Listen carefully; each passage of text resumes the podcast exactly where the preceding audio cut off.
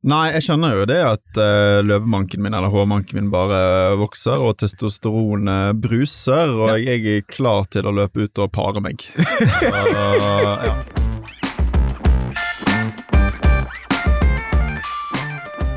Når vi begynte denne podcasten, så trodde jeg mer at å være maskulin, det var liksom å gå ut og hogge ved. Ja. Å være skikkelig macho og ha den dypeste stemmen, men jeg ser at det er forskjellig. Avhengig av hvor du er på spekteret, da.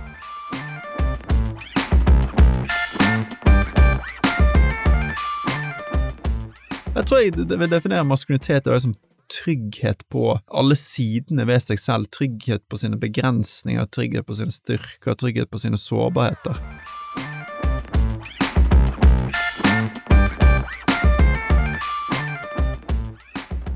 Menn som tar risiko, blir ofte rapportert som sexy.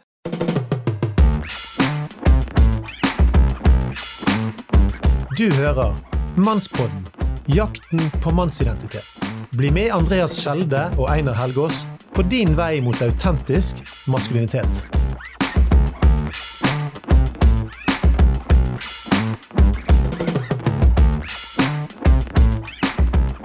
Velkommen til Mannsråden. Du hører Andreas Skjelde her, sammen med Einar, og vi er fremdeles i Oslo. Nå må vi vel snart komme oss hjem snart. Ja, dette er Jeg lengtere til Bergen. Ja. Nei, ikke dra. Jeg vil tilbake til Bryggen. Vi klarer uh, fem episoder til. Ja, og der hører du Marius. Han er jo så glad i bergenser at han har valgt Ja. å bruke hele lørdagen sin med oss, så det setter vi veldig pris på. Og Det som er nå, da, Marius Stavang, du vet jo at i mannen bor det dette konkurranseinstinktet. Mhm. Og vi har aldri spilt inn fem episoder av podkast med noen før. Hva, hva, hva er din kommentar til at du nå har vunnet konkurransen om å, å, å være den mest kule og uh, attraktive gjesten i Mannspodden? Nei, jeg skjønner jo det at uh, løvemanken min eller hårmanken min bare vokser, og testosteronet bruser, og jeg er klar til å løpe ut og pare meg. Så ja. Jeg skal hjem til kjæresten min etterpå. Så. Ja. Breiflabb-psykolog eh, Ja. vill bondings gjennom Oslo sentrum med denne stangen eh, viftende oppi. Ja, ok, greit. Vi ser det levende for oss, men jeg ser òg for meg at vi bør egentlig fortsette nå, Andreas. Ja, vi bør det. Vi kan ikke Men, men er du veldig misunnelig på Marius sitt hår? Jeg eh, føler det er en liten eh, Sinnssykt. Har du avslørt meg nå? Ja. Er det noe Nei, ok, Altså, nei, men det blir veldig bølgete fetter Anton-hår hvis jeg begynner å gi meg i kast med det der igjen. Nei, men- men det er greit. Da hiver vi oss over Men du er jo uh, Altså, du er jo frivillig skalla. Eh, ja. Ja. Jeg har ikke så store har- viker at jeg er nødt til å kappe håret. Men det blir altså sånne bølgete fetter Anton-hår når det er sånn mellomstil. Men da jeg bodde i Oslo på blant annet eh, i 90-tallet, så hadde jeg jo langt hår. Og da Ja. var det sånne her eh, krøller som eh, Altså korketrekkerkrøller som jeg kunne trekke helt ned på eh, Oi. Så du var mer sånn hippie-type? på Har ikke du sett de bildene? Jeg kan vise deg noen crazy Ja, det, pictures. det, må, det må vi se etterpå. Ja. Men uh, Mannsbåten er på podkast, så vi kan dessverre ikke vise det til dere lyttere. Men anyways, jeg tror vi må bare hive oss inn i dagens tema. Og i dagens tema, Einar Ja, altså, jeg har lyst til å si ett ord til Marius, og så begynner du der du syns du skal begynne. Patriarkatet. Oi, det er et vanskelig ord. Vanskelig ord å si. Mye betent som eh, ligger i det. Men hva er det? Uh, det har jeg faktisk ikke en god definisjon av. Kan jeg prøve meg? Du kan gjerne prøve deg. Menns makt opp igjennom historien. Ja, menns makt over kvinner, da, kanskje? det Altså, blir nok sånn- særlig det. Ja, både historisk og uh, nå, mener jo uh, mange, da. Men altså, ja, at det, altså De andre assosiasjonene jeg får til ordet, er jo det at eh, menn som har makt over kvinner, menn som kontrollerer kvinner, og menn som holder kvinner utenfor og tilbake, selv om på en måte eh, Selv om kvinner vil inn, på en måte.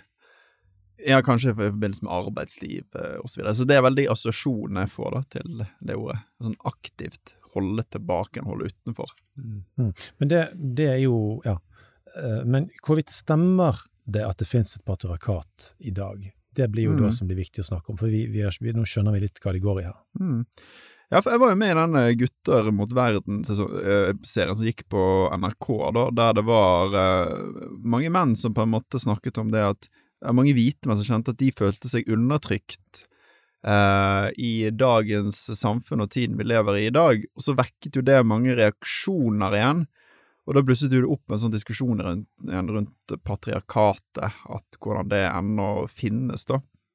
Og eh, det, det her er jo noe som på en måte Det eksisterer mye diskusjon rundt, for det at det er jo mange menn som ikke kjenner seg igjen i det hele tatt at det er et patriarkat. De føler ikke at de sitter på noe makt, eller føler ikke at de sitter på noe makt over eh, kvinner, eller eh, Ja, og eh, En del av de føler vel heller at kvinner har makt over de. Ja, mange føler jo det, og, og så har jo du på annen side at, det, at damer sitter på stikk motsatt opplevelse, at de føler at, dam, at menn ennå er i uh, har, mye, har mye mer makt enn enn hva de har.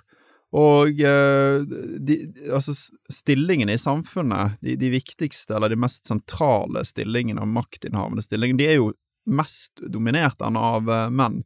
Men, kan jo, men det, det er jo ikke helt klart hvorvidt det forårsakes av patriarkatet eller andre ting. Da. Men eh, tilbake til spørsmålet finnes det et patriarkat. Det virker jo som at det i alle fall gjør i, i noen kulturer. Hvis du for eksempel går, beveger deg til, eh, til Midtøsten eller eh, andre steder, så har jo, eh, har jo menn ganske suveren kontroll over alt i samfunnet. I Saudi-Arabia vel, har vi ikke damer så vidt lov til å kjøre bil, om de hadde fått eh, noe nylig, eller Stemmer. så du har jo definitivt eksempler på at det finnes ganske sterk, eller veldig sterke, og kanskje altomfattende patriarkat. Og så er jo diskusjonen om gjør det det i Norge, holdt på å si.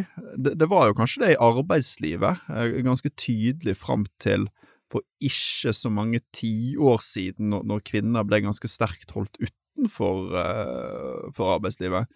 Men nå er, jo det, nå er jo folk mer uenige i det, da. Altså, finnes det et effektivt patriarkat uh, i dagens samfunn? Og her virker det som at menn og kvinner strides litt, grann, om, Ja, om de gjør det eller ikke. Men Hva kom fram i den, for du har jo fulgt debatten. Ja, ja.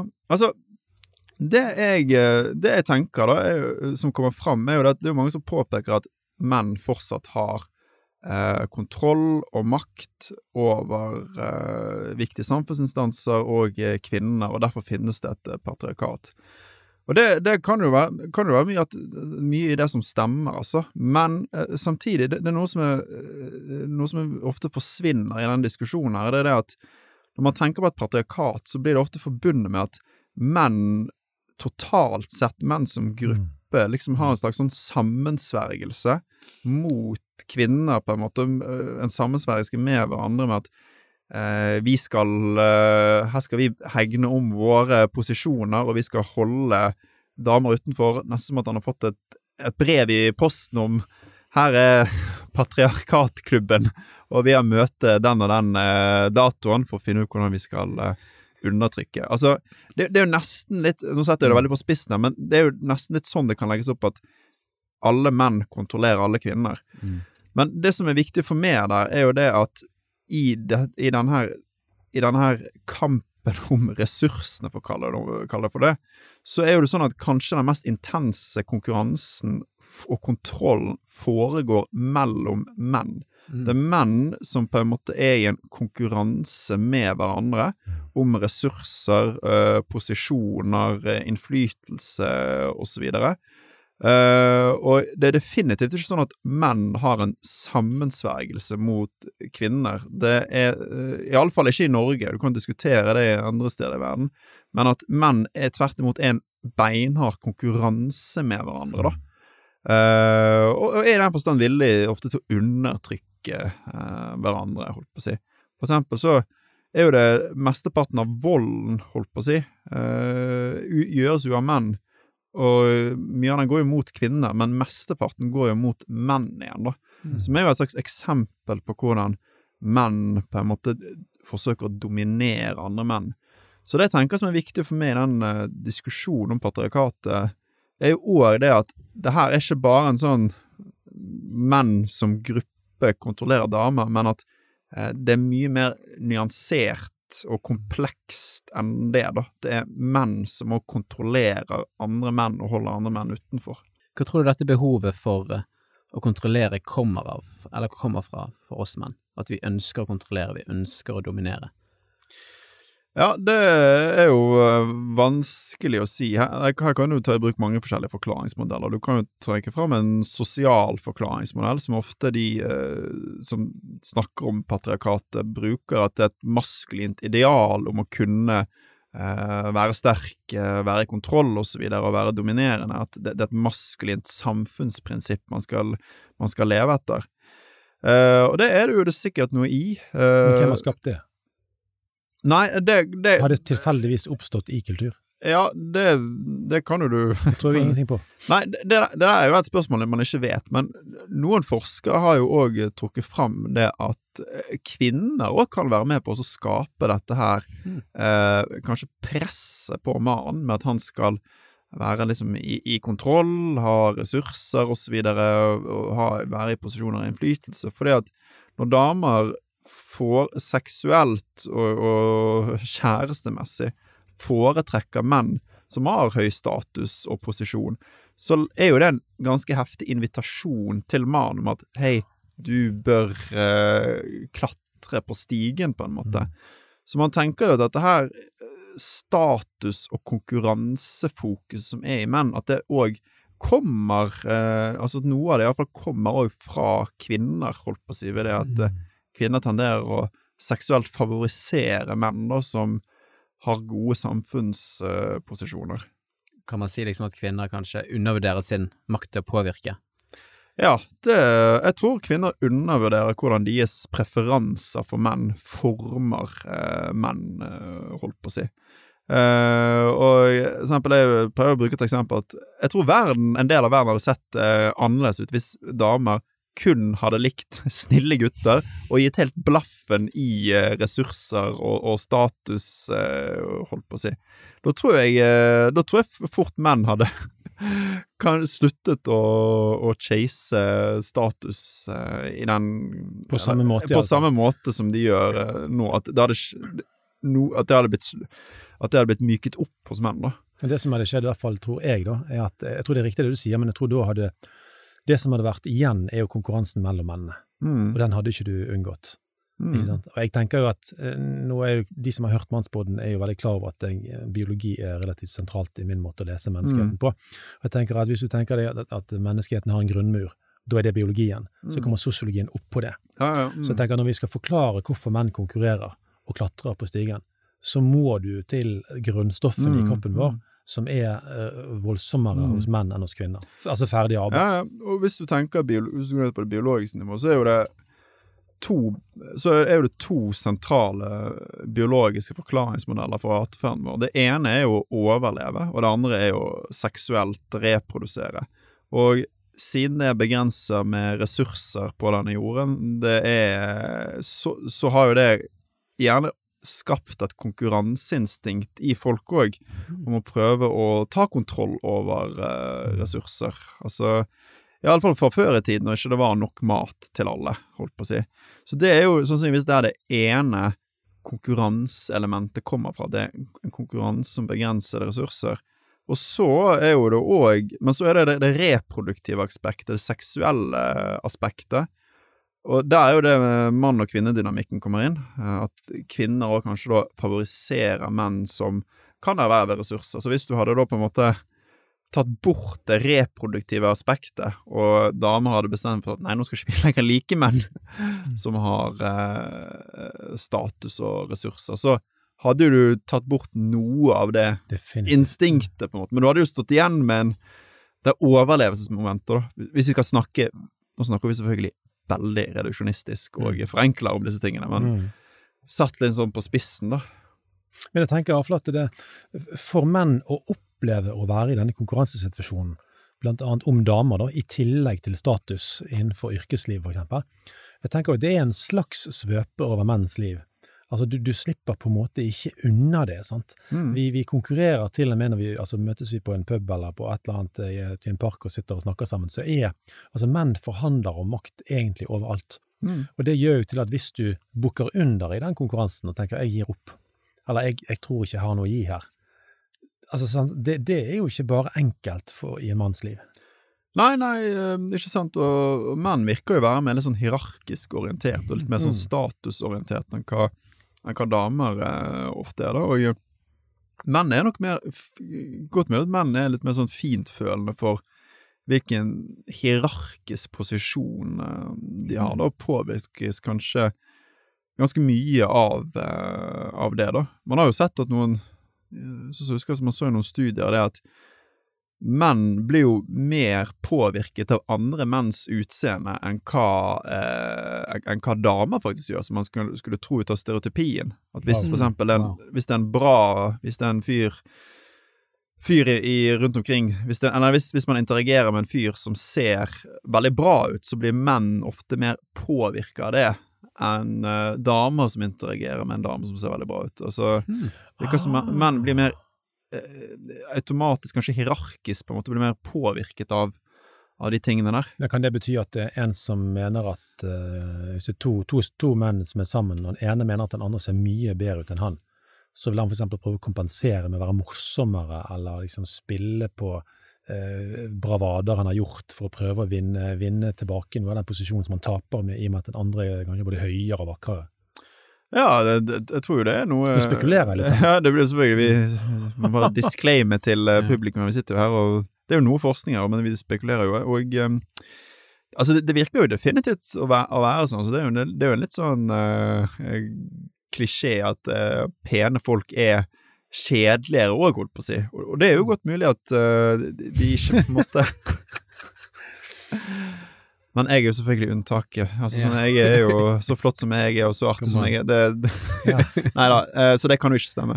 Nei, nei men altså, det, det virker Det kan jo være noe i det at uh, pene folk trenger å være De trenger å prøve mindre, de trenger å kanskje være mindre morsomme. De kommer kommer for lettere til disse ressursene Ja, ja. som du snakker om. Ja, sta- standup-komikere er kanskje ikke kjent for å være de mest uh, utseendemessig flotte Mm. folkene. De, de spøker jo de litt med, med selv òg, Mm. holdt på å si. Han ene Han eh, hva, heter han? Det var ikke han eh, Louis C.K. som sa noe om at eh, Ja, holdt på å si eh, Noe om at damer sier det at de liker så godt menn som har humor, og så trakk han fram en vits om at det var et eller annet Men han har aldri hørt George Clooney fortelle en, fortelle en være hysterisk morsom før, liksom.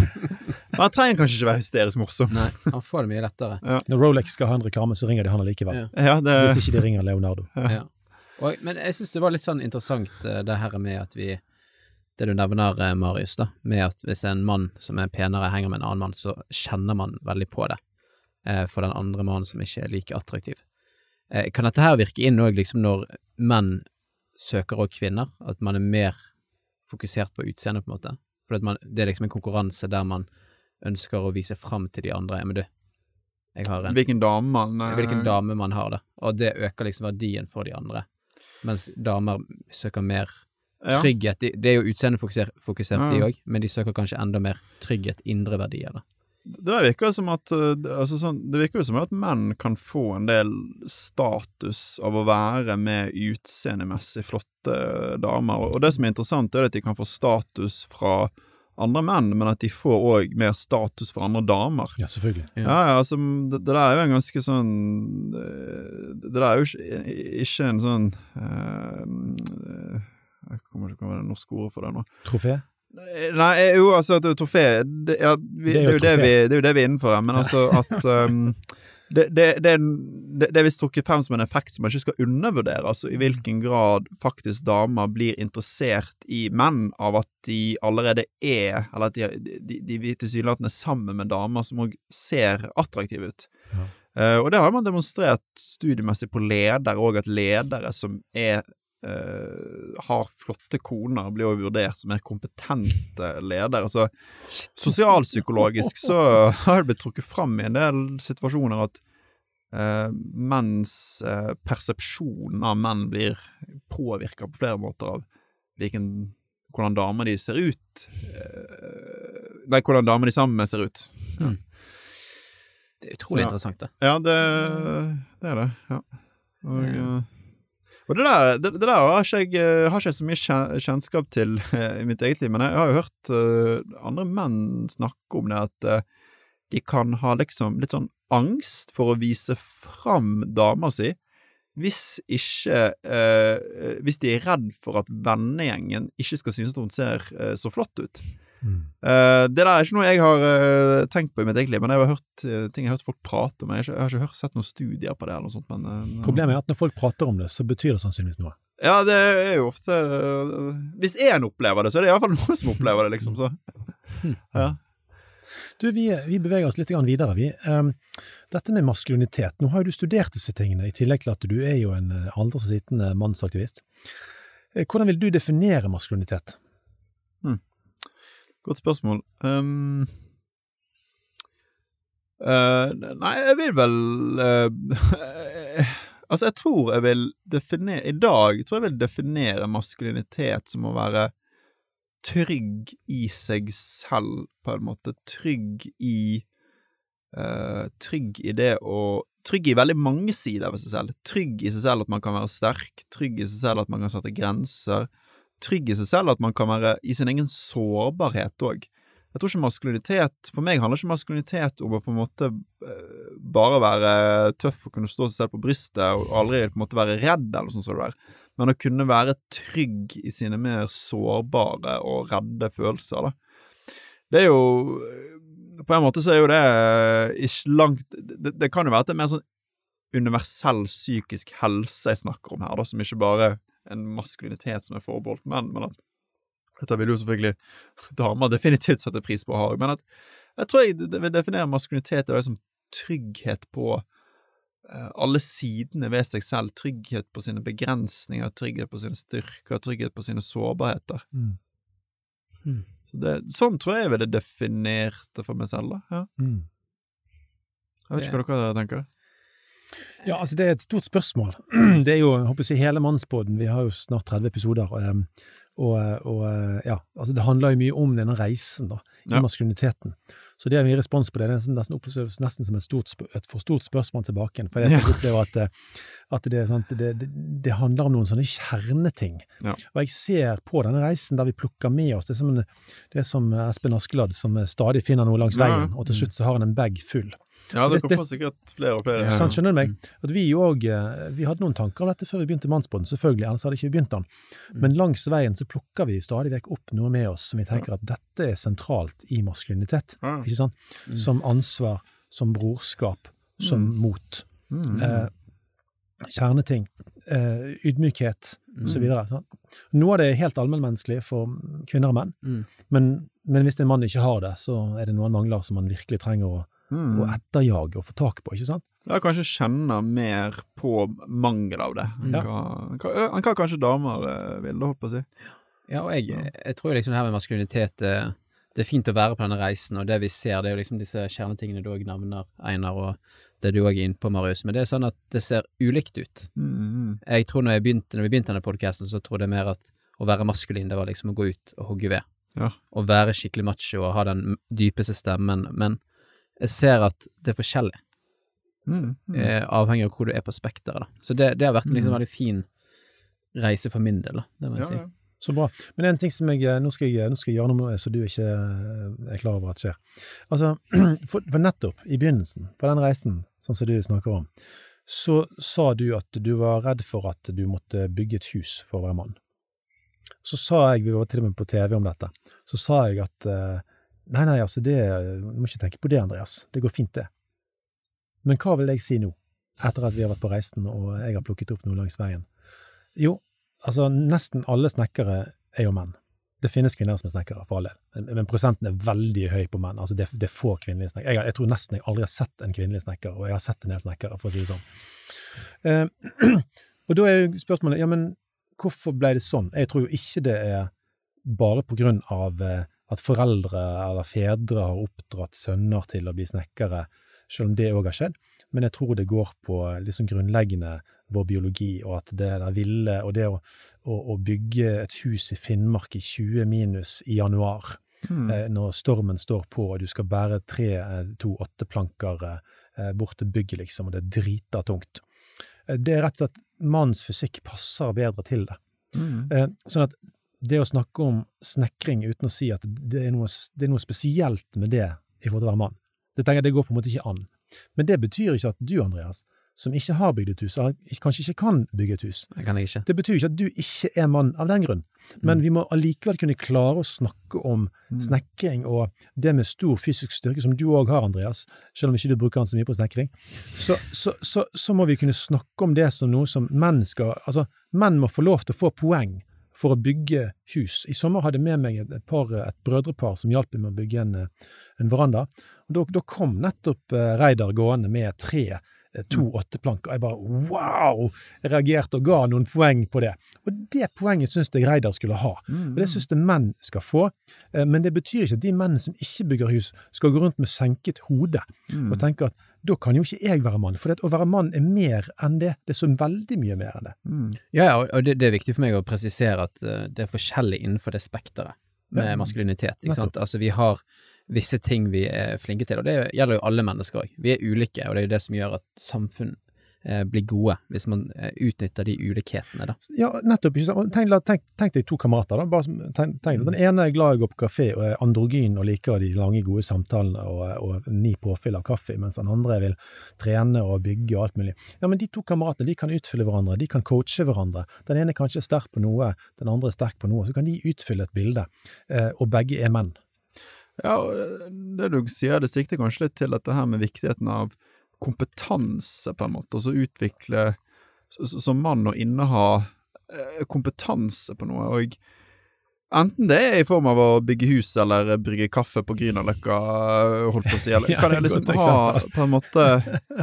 Eh, Og det er noe med kompetanse og tryggheten som er i det, og det er jo noen sånne her datingforskere som trekker det fram òg, når, de- når de snakker om menn eh, som ser etter kjærligheten, istedenfor liksom å, å prøve å bli bedre til å sjekke og flørte, så kan det være et lurt sted å starte, være å bare bygge og utvikle kompetanse, holdt på å si, som på en måte en sånn grunnmur, en sånn grunnstein i livet. Og så ordner ting seg sosialt sett en del, eh, hvis man har den kompetansen på plass, da. Og det, jeg tror jo kanskje det er noe med at altså, kompetanse Det er jo selvfølgelig ikke noe viktig, mindre viktig for kvinner, det, altså, men det kan jo være at det er noe spesielt i det for menn å liksom føle seg maskuline med det å ha kompetanse. Du kan si En av grunnene til det Dette er jo et det komplekse ting vi snakker om, da.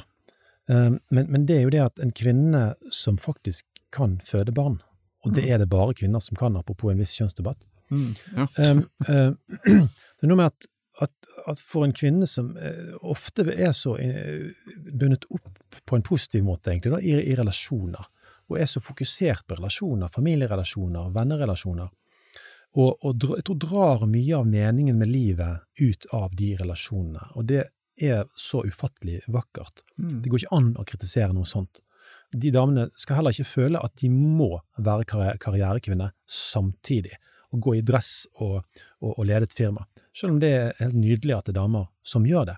Mens jeg tror menn som ikke kanskje kjenner at de har den samme på en måte, Det ligger ikke i meg på samme måten å være høne, hønefar i familien, på en måte. Mm. Um, at det å ha noe annet å vise til sammen med familien, altså at han har lykkes på noe annet, det tror jeg rett og slett identitetsmessig kan bety såpass mye for oss menn at vi kan ikke Mm. la være å ta det på alvor. da. Nei, nei, sant. Og eh, det, vi- vi er jo innom uh, et, et, en viktig side ved, ved maskulinitet, og, så- og så føler det at på en måte man ja, har på en måte Har noe å være stolt av, uh, på et Mm. vis, da. Mm. Og det kan jo være en Nå ville jo selvfølgelig, hadde det vært en samfunnsforsker her inne, så ville jo de diskutert sagt at det kan være et sosialt konstruert eh, fenomen, men det kan jo være noe som ligger i, mer i naturens eh, side dere at det der er innmari viktig for menn, uten, å, uten at det betyr at det ikke er viktig for damer, altså, men at det kanskje uh, Ja. At, at det kan jo være at det er mer viktig for menns på en måte sånn velvære, eller altså tilfredshet Mm. med seg selv, på en Mm. måte. Hvis ikke vi bygger noe kompetanse, Ja. så tror jeg vi kan fort kjenne at vi står litt på bar bakke og ikke har noe å gi. Og hvis Ja. vi føler at vi ikke har noe å gi, da har ikke vi selvtillit, og den trenger vi for vårt eget yrkesliv, for vårt Mm. eget familieliv, for, for å nærme oss en kvinne Mm. og mene vi har noe å komme med her. Så, så alt dette har jo noe å si i forhold til at vi bygger oss sjøl til å være stolt av oss sjøl og, og, og være frimodige ut mot verden. da. Ja, og litt sånn uh, i forbindelse med uh, menn, hvordan menn velger kvinner og kvinner velger menn, så ser jo man det at kvinner finner jo trygge og kompetente menn attraktive, Mm. Mens man statistisk ikke klarer å finne det at eh, altså for eksempel nevrotisisme, på en måte hvor stressa damer er på et vis, det, det, det har visst ikke ikke noe effekt på hvor attraktiv han synes at hun er. Hmm. Men det har en effekt på hvor attraktiv hun synes at han er, holdt på å si. Så det er jo noe med at uh, damer tiltrekkes av trygghet, virker det som. Mens det, det blir ikke sett på at eh, det virker ikke, å- være helt det samme tilbake igjen. Men er det noen personlighet eh, ty Eller personlig type menn trekkes mer mot? Nei, det der er jo det vanskelige å Det, det det der er jo det vanskelige å, å, å, å si, for forskning har slitt litt med å finne ut av akkurat de greiene der. Altså, det, er litt dårlig forskning på hva slags personlighet det er menn tiltrekkes av, da. Mm. Men det er jo eh, Det er jo litt de der forutsigbare eh, tingene. Det ble, det ble jo trukket frem at Hva var det? På annen side så ble det trukket frem at, altså at menn som opplevde at dama si var intelligent og emosjonelt selvstendig eller et eller annet, da tok han oftere initiativ til, til å hoppe til køys, eh, holdt på å si, en eh, Ja, så Men, men det, det er jo når man, ser, når man ser på forskning på dette her, da, eh, hva slags personlighetskarakteristikker menn ser etter i damer, så er jo det sånne ting som man gjerne skulle forvente, sånn som at hun er vennlig, hun er til å stole på, hun er kjærlig, hun er glad i han, videre. Eh, kjemi og de tingene der.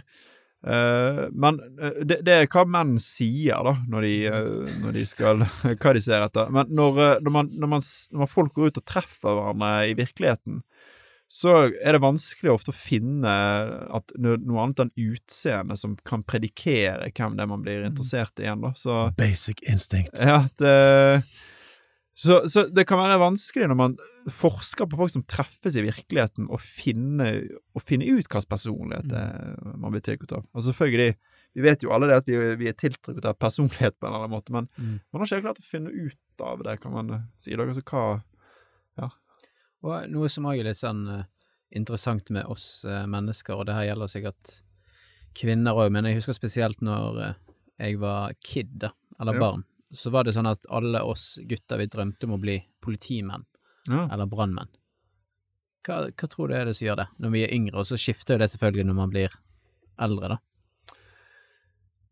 Ja, det er jo veldig, veldig interessant og godt uh, spørsmål. Hvis du hadde snakket med en uh, sosiolog her, så hadde jo uh, han eller hun sikkert sagt at dette har, har noe å gjøre med tidlige rollemodeller, holdt på å si, da, å gjøre. Eh, tidlig reklame og markedsføring, jeg håper å si. Men, men det kan jo Jeg er jo veldig biologisk orientert av meg, da. Så mine svar vil jo selvfølgelig påvirkes av det. Jeg liker sa amen. Man, man har jo Men jeg sa det ikke. hva sa du? Du- Nei, du sa ingenting. Ja, du sa ingenting. Nei. Uh, man, har jo, man har jo disse klassiske studiene som viser det at uh, menn, altså fra de er nyfødt, virker liksom visuelt tiltrekkes mer mot ting Ja, beveg enn, eh, og bevegelser. Uh, ting, ja, enn en, uh, ja, eh, folk. Og det kan jo hende at menn har en sånn, en sånn tilbøyelighet til å tiltrekkes mot uh, Hva skal jeg si eh, hva, blir, hva, hva er det som blir det overordna Hva blir fellesnevneren her? Politi, brannmann? Hva er det som blir fellesnevneren? Ja, det er jo, det er jo, det er jo bevegelse aktivitet og, og Det- heltemot. Helt, og, ja. og, det ris og det risikosøkende. ja, ja. ja. Ja, sant. Risiko ja, ja. Altså politi, hallo, det er jo det er farlig å være politi. Ja, og igjen, hvordan og, eh, Man har jo sett at damer liker risikoorienterte menn. Menn som tar risiko, tar sjanser, det blir ofte rapportert som sexy. Så det Ja. Som igjen blir kontrastfull mot at uh, Nei, du må være en snill mann, OK? Vær snill, da. Ja, sant. Det, det blir jo en kontrast. Det er litt sånn hykleri-feeling. eh, vær snill, men hei, du må være barsk, risikosøkende, og da syns jeg du er sexy. Ja, ja, ja. ja, ja. altså, det er jo igjen, vi er tilbake til grunnspørsmålet, eller ett av grunnspørsmålene i Mannsbåten. Hvordan skal menn finne ut av sin mannsidentitet i en eh, ganske forvirrende, eh, Mm, kulturelt sett tid, der du får ulike signaler? mm, sant. mm. Altså, absolutt, vi var inne på i sted at, at menn sier noe om, om at eh, nei, jeg vil ha en kvinne som er intelligent. Du nevnte forskjellige sånne veldig Ja. bra ting, da. det er veldig fint å si. Men så er utseendet så svært, da. Mm, Det er så number one, og det er da jeg sier basic instinct. Det liksom, mm, du trenger det der trekket fra, fra kroppen din mot den kvinnen. Mm. Og så er, er, er man mer på evalueringen av de andre tingene kanskje nesten i, i andre rekke. Mm. Mens kvinnene stokker vel det der litt annerledes. En gang til nå. Kvinner stokker det Ja, de går ikke nødvendigvis 80 for utseendet, og så ser vi på de andre tingene etter hvert hos Mm. mannen. Ja, sånn, ja. ja. Hva blir deres uh, oppsett? Hvordan de velger seg en mann, tenker du? Mm. Det der, ja, sant. Og det der er jo òg eh, noe man vitenskapelig sett ikke vet ennå. Altså, man, man tenker jo det at damer er mindre opptatt av utseende enn hva menn er. Mm. Men igjen, når må, man forsker på damer som treffer menn eh, i virkeligheten, så er det ofte kun utseende som kan predikere, eller utseende som sterkest predikerer hvem det er de ønsker å treffe igjen, og hvem det er de blir romantisk interessert i. Men altså, noe av det som er teorien i dag, det er det at hvis han kommer over en Altså, damer sier jo ganske konsekvent at utseende er ikke viktig for dem. Ja, men de skal krysse av i et skjema. Ja, hvis de må Men så går de ut på byen. ja, men, hvis, men de kan si De sier det òg til venninnene sine, til kompisene sine. Og jeg er ikke opptatt av utseendet. Og det, det er nok noe de eh, tror på selv òg, og som kan stemme til en viss grad. Men det man har sett, er at damer vurderer eh, nok Undervurderer nok hvor viktig noe av utseendet er for dem. Mm. Eh, og eh, det, det man har begynt å tenke på, det er at han må minst være alminnelig kjekk. Hvis han kommer over en sånn alminnelig kjekk cutoff, så kicker dette her med personlighet og alle de tingene der eh, inn, på en måte. Men hvis han kommer under alminnelig kjekk, da begynner blir plutselig utseendet å ha mye mer å si. Og det, jeg ser jo igjen i liksom at det er jo ekstremt sjelden at han er lavere enn hun Mm. på en måte. Altså, damer kan si at de er ikke så opptatt av høyde, men de kan være kanskje ekstremt opptatt av høyde hvis han er lavere enn henne. Mm. Mm. Da kan det kanskje være en deal-breaker, uh, til og med. Det er ganske, ganske Ja, da er utseendet Da Da har- spiller det en veldig stor rolle. Ja, da spiller plutselig de centimeterne der en, en veldig stor rolle, og kanskje en avgjørende rolle. Altså, Så min kone er altså eh, Shit, skal jeg si det? Du må bare si det nå. Åh, altså, Audhild, min kone er to, to, to og en halv centimeter høyere enn meg. Oh, ja, ja. Så når vi eh, skulle ta bryllupsbildene, sant, så hadde jeg på meg um, Oi, skal jeg si det? Ja. I 1997, da, vet du. Så eh, eh, mine lakksko hadde oppbygd hæl, Oh, ja. og jeg hadde på meg flosshatt. Og når vi skulle ta sånne brudebilder, så lente hun seg inne til en sånn stamme og sank litt sammen, sånn at jeg skulle bli bitte litt høyere enn hun. Og vi, vi sa, det var jo fotografen som organiserte oss, tror, og, og, og, og noen av disse tingene òg, da. Ja. Men det går jo på akkurat det samme. Jeg skulle ikke være lavere enn hun, men hun er jo høyere enn meg. Ja, ja, ja. Det er interessant at vi baler og styrer så mye med de tingene der. Det, det er det, rett og slett. Det er interessant hvor mye vi baler og styrer med de tingene der, og eh, Betyr det mye? Sant? Det er liksom, når jeg stiller det på sånn, sånn, alle bør jo svare nei. Men det betyr jo i praksis betyr Ganske mye for oss allikevel. Ja. ja, du ser jo på, på ja, dere selv og det eksempelet du, Ja. du, du kommer med, og uh, Ja, det er jo en, en, en grunn til at damer kommer med sånt, sånn minimumskriterier noen ganger til høyde på Tinder, eller uh, hva enn det måtte være. Så Ja. Men uh... men, men noe av det man tenker da, er jo at hvis han er alminnelig kjekk og høyere enn henne, så kommer ofte dette med personlighet inn. Men du eh, er jo kjempekjekk på alle Ja. andre måter, så du slapp unna det Så jeg tror eh, tipset er å kjøpe sånn eh, du skjønner du? Ja, lakksko, og så bygger du de opp noen centimeter eller to, så Ja, ja. ordner ting seg veldig raskt. Men du, jeg tror vi skal gå inn for en landing, Marius. Men jeg tenker siden du har vært med i fem episoder, så ønsker jeg at du skal få lov til å Du skal nevne alle temaene vi har Ja, tatt. ja. Nei, jeg tuller. Det har vært veldig gøy. Eh, Men hva vil du si til menn som hører der ute? Eh, Jeg tror eh, Eller én ting jeg tror jeg vil si til, til menn der ute som jeg kanskje hadde litt nytte av selv når jeg strevde i livet mitt, det er det at Altså, tenk litt langsiktig, på en måte. Veldig mange Dette blir kanskje et mer sånn tips til unge menn der ute, da. Mm. Uh, men altså sånn Selv om ikke du har livet ditt på stell når du er 18-19-20, Mm. så har du, du har god tid på deg, på en måte. Du kan vokse vanvittig fra du er 20 til eh, 30. Så Mm. ikke tenk at du har så dårlig tid, på en måte. Du har Og ikke gi opp selv om på en måte du ikke er der du skulle ønske at du var nå. Og livet er liksom en sånn livslang utvikling, så selv om ikke du har dame når du er 25, eller den jobben du vil ha når du øh, er 30, så er livet en prosess, og kanskje du har de tingene når du Ja, når du er litt eldre enn hva du, øh, hva du trodde at du ville være, da. Mm. Så jeg tror liksom Tenk det at liksom Ikke tenk at du nødvendigvis har så hastverk, men at ting er litt lang, sånn langsiktig. I alle fall for, for mange menn. Altså, det tar ofte litt lengre tid for menn før de får ting på stell enn hva de gjør for damer, så Mm. Eh, Hæ, ja. hva er det for hva? Er det sant? Jeg trodde vi skulle runde av igjen, nå. Vi, ja, det får bli sjette episode. Sjette episode. Dette spørsmålet vi må få svar på. Hva mente du med det, episode. Nei, det blir, det blir uh... Jeg får sjekke ut den eventuelle YouTube-kanalen jeg lager. Litt Ja. uh, reklame på tampen her på det. Hvis det er lov. Reklamere for et annet produkt. Hva skal den handle om, sa du? Nei, det blir, handler om de tingene vi har snakket om, men jeg husker ikke hva vi har snakket om, så jeg vet ikke helt- Nei, jeg skal nå prøve å snakke litt om sånn uh, singelliv og refleksjonene mine rundt uh, hvordan datingkulturen virker, og uh, tidlige steder, stadier av parforhold og litt parforholdsgreier. Ja, det. Så det anbefaler vi faktisk alle. Søk opp Marius Stavang. Absolutt alle. Ja, alle som hører på. Ja. Også kvinner. Ja. Eh, Marius, tusen takk for at du har vært med i Mannsbåten. So good. So good. So good. Hvis du likte det du hørte, del Mannsbåten med fem andre du mener vil ha glede av den. Bli med i Facebook-gruppen vår, og følg oss på Instagram. Der heter vi òg Mannsbåten. Ja, og så er det som vanlig, vi har en Apple Podcaster der du kan gå inn og skrive litt til oss hvis du har lyst til å gi en beskjed, og vi kan få litt mer eh, som kan stige litt oppover i eh, søkemotorene, ikke sant, så flere får høre Mannsbåten. Så da er det rett og slett eh, på tide å avslutte med bosnisk Zbogom. Hvem skal fri henne ut av tårnet? Ja, hvem skal storme slottet? Mens du venter på neste episode, del gjerne Mannsbåten med fem andre menn, så de kan koble seg på jakten på mannsidentitet i en kjønnsnøytral tid. Hvis du ønsker å lære enda mer om denne tematikken, følg Mannsbåten på sosiale medier. Vi snakkes.